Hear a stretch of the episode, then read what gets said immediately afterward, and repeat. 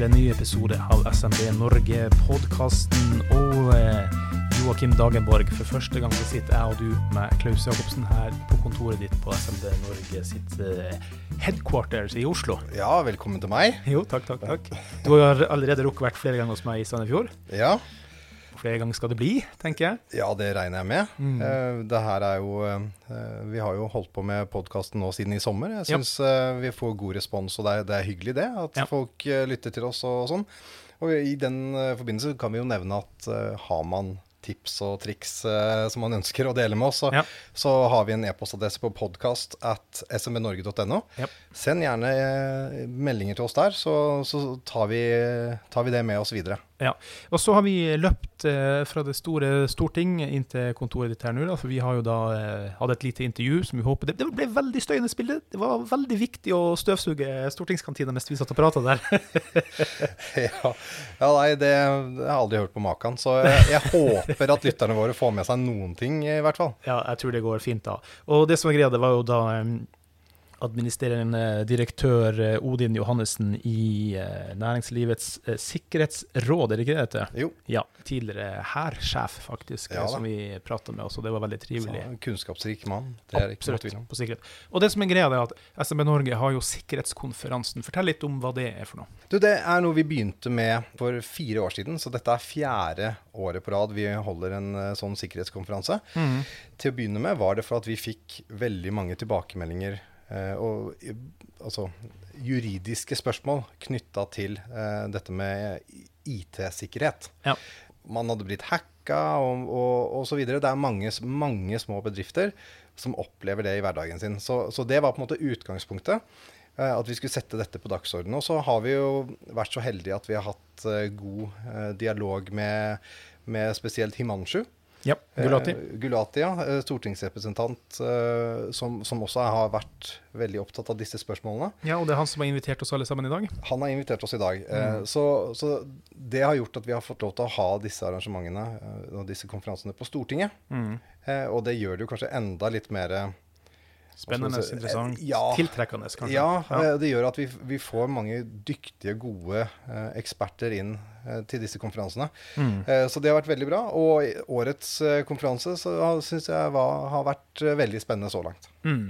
Og eh, den praten vi hadde med Odin Johannessen, og han presenterte eh, også før det, da, kan bare nevne litt av de tingene, og hva man kan forholde seg til i forhold til sikkerhet. da. Fordi jeg noterte ned dagens trusselbilde, som han sier da. Og det var ganske mange ting. Det er pandemi, Mm. krig og fred, selvfølgelig. Det er tørke og flom, altså klima. Energi, det er jo veldig i vinden akkurat nå. Mm. Eh, inflasjon, som igjen kan gi sosial uro. Atomvåpen, også i vinden dessverre om dagen. Terrorisme. Havrett eh, og folkerett, eller at man tar seg til rette. Den, for meg som er fra Nord-Norge, så har kanskje den vært litt het debattert. de mm. Og Mm. så har du jo demokrati eller diktatur, da. Så det, det er liksom det store trusselbildet, men så har du det med alt det digitale, selvfølgelig. Absolutt. Og så, og så var han, gikk jo han litt inn på det geopolitiske med Mm. Ukraina og situasjonen der. Eh, Russland og, og, og det kom han kommer tilbake til det i den samtalen vi har, uh, har hatt med han. Men uh, hvordan skal norske bedrifter forholde seg til Russland? Mm. Hvordan håndterer man det hvis man får en søknad til en stilling fra en russisk statsborger? Mm. Eh, er det helt uaktuelt, eller ikke sant? Den type problemstillinger som plutselig har dukket opp fra, et, fra februar i år, Mm. som, som jeg syns var litt interessant å høre eh, Odin sine tanker om. da. Ja.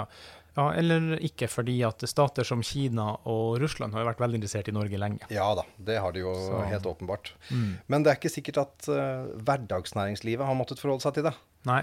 Eh, at, at universiteter og, og også de, disse høyteknologiske eh, bedriftene At Equinor og Aker Solutions, altså disse, ting, disse bedriftene som sitter på masse teknisk kompetanse som er helt eh, sånn fremme der, at de har, har måttet forholde seg til det her lenge, det er én ting. Men hvordan vi mindre virksomhetene da, Mm. skal forholde oss til det, det, det, er, det syns jeg var et interessant tankerekke som man hadde rundt det. da. Ja, og det må jo sies at det er jo sikkert veldig spesielt for en bonde på Toten eller en eh, snekker eh, i Vadsø eller you name it, å måtte tenke på cyber security Men dessverre så er utviklinga sånn i verden at the bad guys eh, jobber hardere og hardere, så stadig må flere og flere tenke på egen sikkerhet, cybersecurity, bytte ut passord, totриnnsløsninger, alt det her.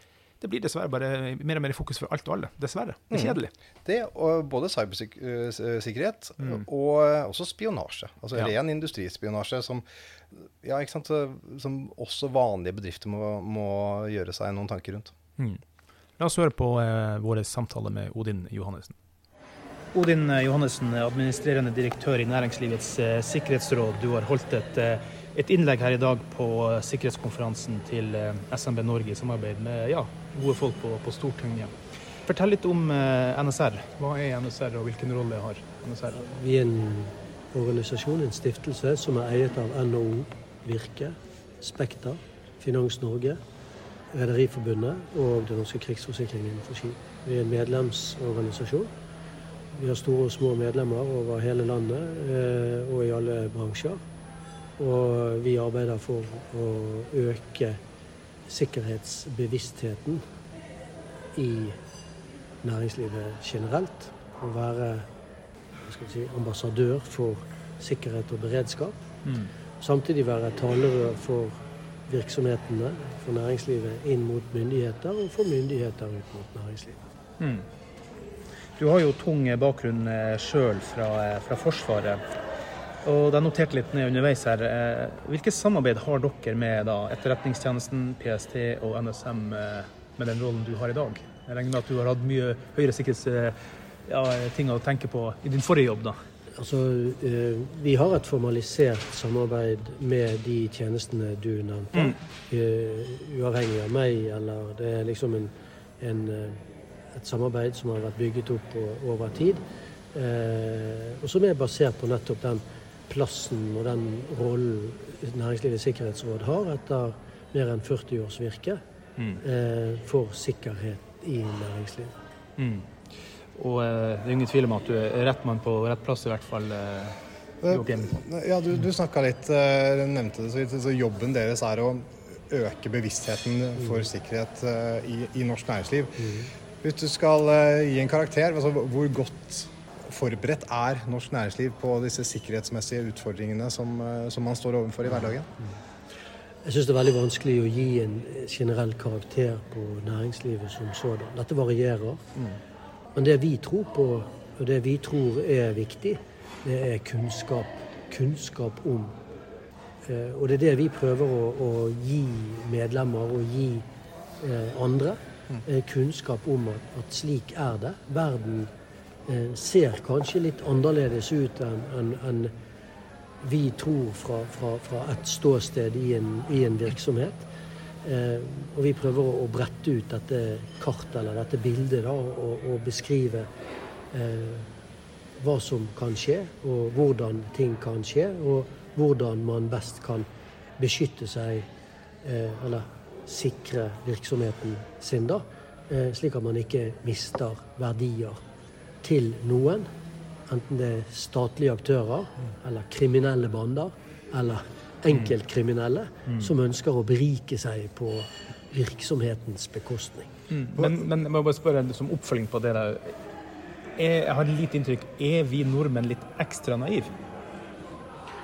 Jeg syns dette er et veldig vanskelig spørsmål å si. Jeg kan godt si ja. Ja, det er nettopp min følelse av det. Jo, jeg kan godt si ja. Men da vil jeg heller snu litt på det og si det at vi nordmenn, vi er Vi stoler Ja. i stor grad på hverandre. Mm. Vi har tillit til hverandre. Og det er klart at når tillit utnyttes av noen trusselaktører, så kan vi fremstå som naive. Mm. Men jeg tror ikke vi i utgangspunktet er naive fordi at vi er, er dumme eller, eller late eller, eller vi, vi, Vi hadde for godt for lenge, kanskje. Ja, vi har hatt det godt veldig lenge, og så er vi så heldige Mm. at vi får lov å bo i et land hvor vi generelt sett kan tro godt om folk, Mm. inntil det motsatte er bevist. Eh, og i møte med en, eh, et globalt kriminelt eh, nettverk, eh, så kan den holdningen kanskje virke litt grann naiv. Mm. Eh, jeg tror vi skal ta vare på tilliten For tillit, det gir effekt. Det gir trivsel, og det gir trygghet.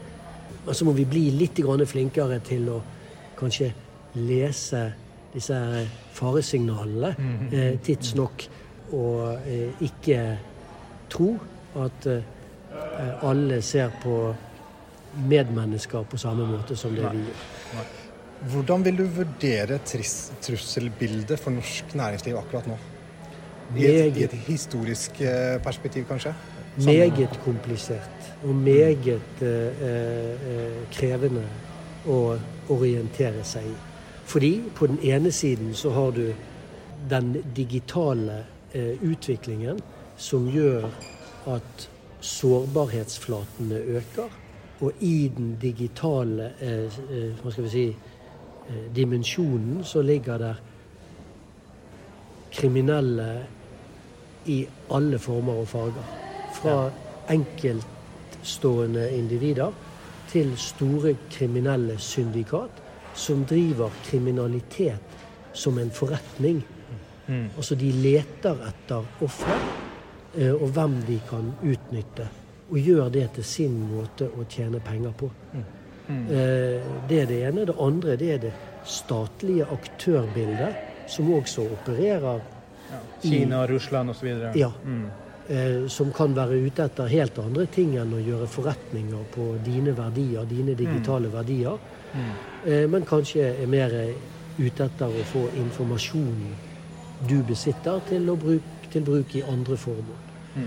Eh, og det er jo bare innenfor den digitale eh, si, det, det, digitale domenet. I andre domener, i det fysiske, altså i reiser, på, på reiser, eh, i møter. Eh, det fins en rekke steder der vi i dag møter utfordringer og må være forberedt på en helt annen måte enn, enn bare for noen få år siden. Fordi at den overordnede sikkerhetspolitiske situasjonen er så endret som den er. Du eh, gikk gjennom en historisk eh, reise med konferansen i dag, da, med din start i Forsvaret i 1981, og så 20 år videre og 20 år videre, og, og, og sikkerheten og digitalisering som har gått underveis. da, og her er det noen år for noen år siden, her vi sitter på Stortinget, så var det jo da en påståelig en russisk spion som var opptatt av faksmaskin.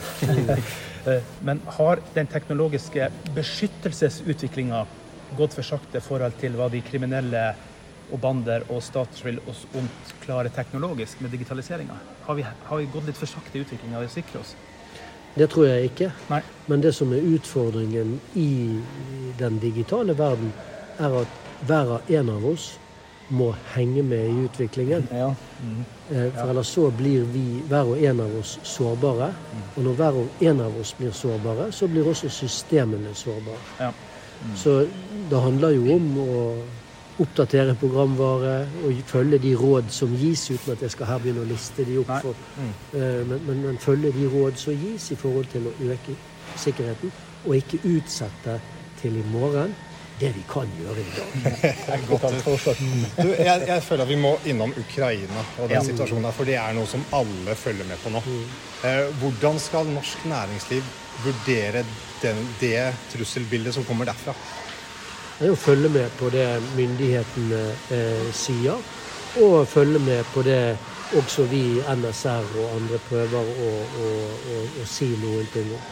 Det er klart at eh, krigen i Ukraina er veldig alvorlig for de som rammes i Ukraina. Men effektene av den ser vi også andre steder utenfor selve krigssonen. Mm. Ikke like alvorlig som de som får bomben i hodet i Ukraina, men med likevel en, en ganske betydelig effekt eh, for våre virksomheter òg, som kanskje utsettes for Eh, spionasje eller press fordi at de besitter teknologi mm. som Russland i dette tilfellet trenger til sin eh, våpen- og krigsindustri. Mm. Eh, og, og, da eh, så, Som myndighetene sier, trusselbildet er sammensatt. Det består av mange forskjellige eh, hva skal vi si, typer trusler vi må kunne håndtere på et greit sett. Vi må rett og slett følge med. Men vi, vi, har jo enkelte bedrifter blant våre medlemmer som enten har eh, Russland som eh, destinasjon for sine varer, mm. eller eh, hvor de kjøper inn mm. eh, ting fra Russland til produktene sine.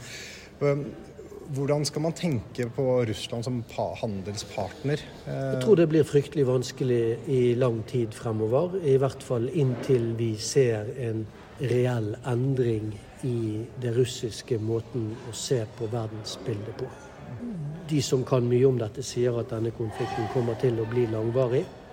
Er kundene dine russiske, så bør du finne nye markeder. Er, er, er, du avhengig av russiske leveranser for å bygge varene dine og levere varene dine, så bør du finne nye leverandører. Mm. Og Det er en vanskelig jobb, men det må gjøres fordi at uh, det, det, det, den situasjonen Putin har skapt med det han nå gjør, mm Eh, den, eh, det vil ikke gå over med det første. Er det, er det en form for ut Nå er det jo humanitært selvfølgelig at det kommer noen russere over Storskog. Kan det være noen sikkerhetsrisikoer der òg? Selvfølgelig. Mm. Eh, vi vet jo at de myn, russiske myndighetene eh, planter sine folk inn blant de som kommer. Mm. Eh, fordi at de har behov for all den informasjonen de kan få. Eh, både om de som reiser ut, mm. men også om oss.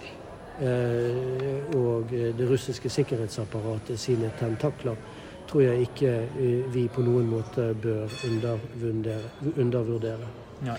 Kan jeg bare spørre, Hvis noen av våre medlemsbedrifter nå sitter og kanskje utlyst en stilling og har fått søknad fra en, en russisk statsborger er, bør man gjøre noe ekstra undersøkelser, eller bør man gjøre noe, noe annet enn det man vanligvis gjør i, i en sånn ansettelsesprosess, hvis man får eh, russiske statsborgere inn på søknadssiden? Ja, altså Hvis man er da i en situasjon hvor man eh, eh, er enten innunder sikkerhetsloven eller leverer til virksomheter som er under sikkerhetsloven, mm.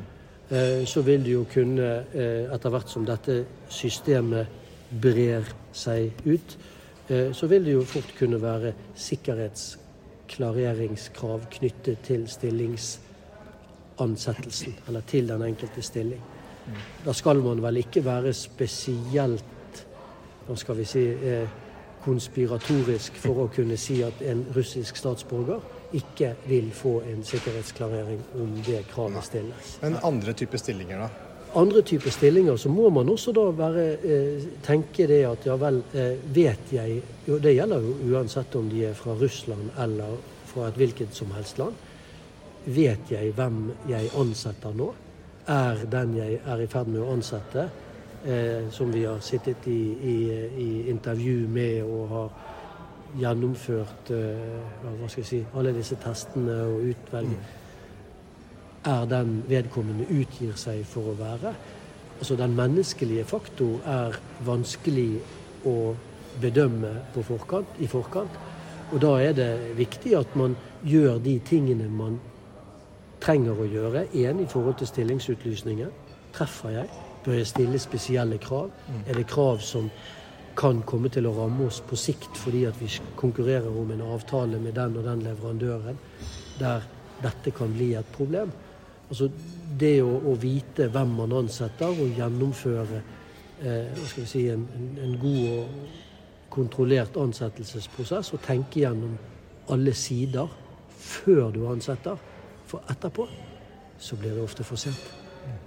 Bare på, eh, mot eh, slutten her, så vi skal videre alle mann i, i, programmet, men eh, bokstavelig talt på dypt vann. da, Det som har skjedd de siste dagene, både med det i Østersjøen og alt det her, da, men eh, droner observert her og der.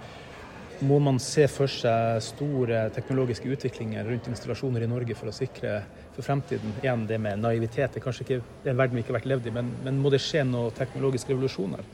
Ja. Nei. Teknologien finnes. Mm. Eh, kanskje ikke veldig utbredt. Noen, noen, sektorer så er den begynt å bre seg ut. og En sektor er f.eks. Altså flyplasser og, mm. og, og, luftbransjen, fordi at de er veldig sårbare for f.eks. droner. Mm. Eh, men man må søke hvor finnes teknologien, hva kan jeg gjøre? Og så må vi også være klar over at hva har jeg lov til å gjøre? Ja. Eh, fordi at tar man i bruk et motmiddel, så er jo det i utgangspunktet maktutøvelse. Og maktutøvelse i Norge er det monopol på, og det skal det være. Det er myndighetene, det er politi, det er forsvar. Som skal gjøre de tingene. Politiet i fred, Forsvaret i ekstremsituasjonen i krig. Og, og eh, her kan det vel kanskje være behov for en grenseoppgang Ja. mellom eh, Og den må gjøres politisk, for det er den som bemyndiger hvem som kan gjøre hva. I forhold til f.eks. For antidronesystem. Mm. Hvis du helt avslutningsvis nå skal, kan gi ett råd til norske bedrifter eh, sånn sikkerhetsmessig, hva, hva vil det være da? Jeg ville tatt utgangspunkt i eh, en rapport som eh, DSB har laget, som beskriver 19 ulike hendelser med sannsynlighet og konsekvens. Ja. Og så vil jeg Og den kan lastes ned gratis fra nett. Så vil jeg samlet ledergruppen, og så vil jeg sagt hvilken av disse, eller hvilke tre, fire, fem av disse er mest sannsynlig for oss. Er det noen av disse eh, er, det, er det andre risiko i tillegg vi må kunne håndtere? Hva skjer hvis noen blir syk på en øvelse, nei, på en, under en eh, forretningsreise? Hva skjer hvis, hvis vi får et innbrudd fysisk? Altså helt sånne hva, hva er det farligste for virksomheten vår? Og hva, eller hva er veldig krevende for virksomheten vår å håndtere? Og så er det å bygge en beredskapsplan. Det er å lage et system der du som sjef vet at når du reiser på ferie, så er den som er igjen på jobb, har fått muligheten til f.eks. å koble fra nettet. da, om vi utsettes for et tjenestenekterangrep eller et annen form for digitalt mm. At man har klart for seg hvem man kan ringe for å be om hjelp. Og at man selvfølgelig varsler politiet eller myndighetene om dette. fordi at skal vi få fokus på økt sikkerhet, økt digital sikkerhet f.eks., ja, så må vi også kunne si noen ting om omfanget av det som skjer. Hvis omfanget er bare et slør som ingen egentlig vet noen ting om, så er ikke det sikkert at uh, våre politikere vil putte penger på det i alt det andre de må prioritere blant. Eh, Så det å vite litt, grann, det å lage disse beredskapsplanene, ha gjort en tanke om det, det tror jeg er fornuftig. Og det, det, må ikke være, det må ikke være lange, svære Excel-ark. Det holder med eh, Plan? hvem, hva, hvor og hvorledes. Hvordan du har tenkt å løse dette. Og gjøre den planen kjent blant de som jobber i virksomheten. Og si det Hør her, eh, jenter og gutter. Eh, alle. Alle må være med og hjelpe til på dette. Ja. spesielt tilpasset til egen bedrift. da. Til egen Tusen, bedrift. eh, ja, tusen, tusen takk, Odin Johannessen, eh, administrerende direktør i Næringslivets sikkerhetsråd, for at du hadde tid til oss her i SMB Norge-podkasten. Og konferansen fortsetter jo, så da skal vi også gjøre det. Tusen takk for at jeg fikk komme, og lykke til videre med konferansen. Takk skal du ha. Ja, da håper jeg lytterne våre har hørt nok av støvsugeren på Stortinget. Ja, den var irriterende. Og kanskje litt eh, av våre samtaler med Odin Johannessen. Det er noe med det med tyngde blant folk som du vet har sittet i, tunge posisjoner, sånn som han var lederen for Hæren. Ja, han har vært ute en vinternatt før, det er det, det er det liten tvil om. Eh, Så han snakker fra eh, et sted med stor ekspertise i bunn. Mm. Apropos sikkerhet, hvordan er det for sånne folk å slutte i såpass stor og viktig rolle, tenker jeg. Hva, hva, hva gjør det med myndighetene, hva de skal følge med på, hvem treffer han, osv. Det, det må være et vanskelig, komplekst spill på alle mulige vis. Ja, jeg tror ikke han kan nødvendigvis dra på helgetur til Moskva uten at eh, Noen følger med, nei. uten at noen får det med seg. ja. Nei. Nei, det er spesielt. eh, Og det er en eh, stor mestrende hjerne å kunne styre sånne type ting. Mm. Også når du går ut av rollene dine, altså.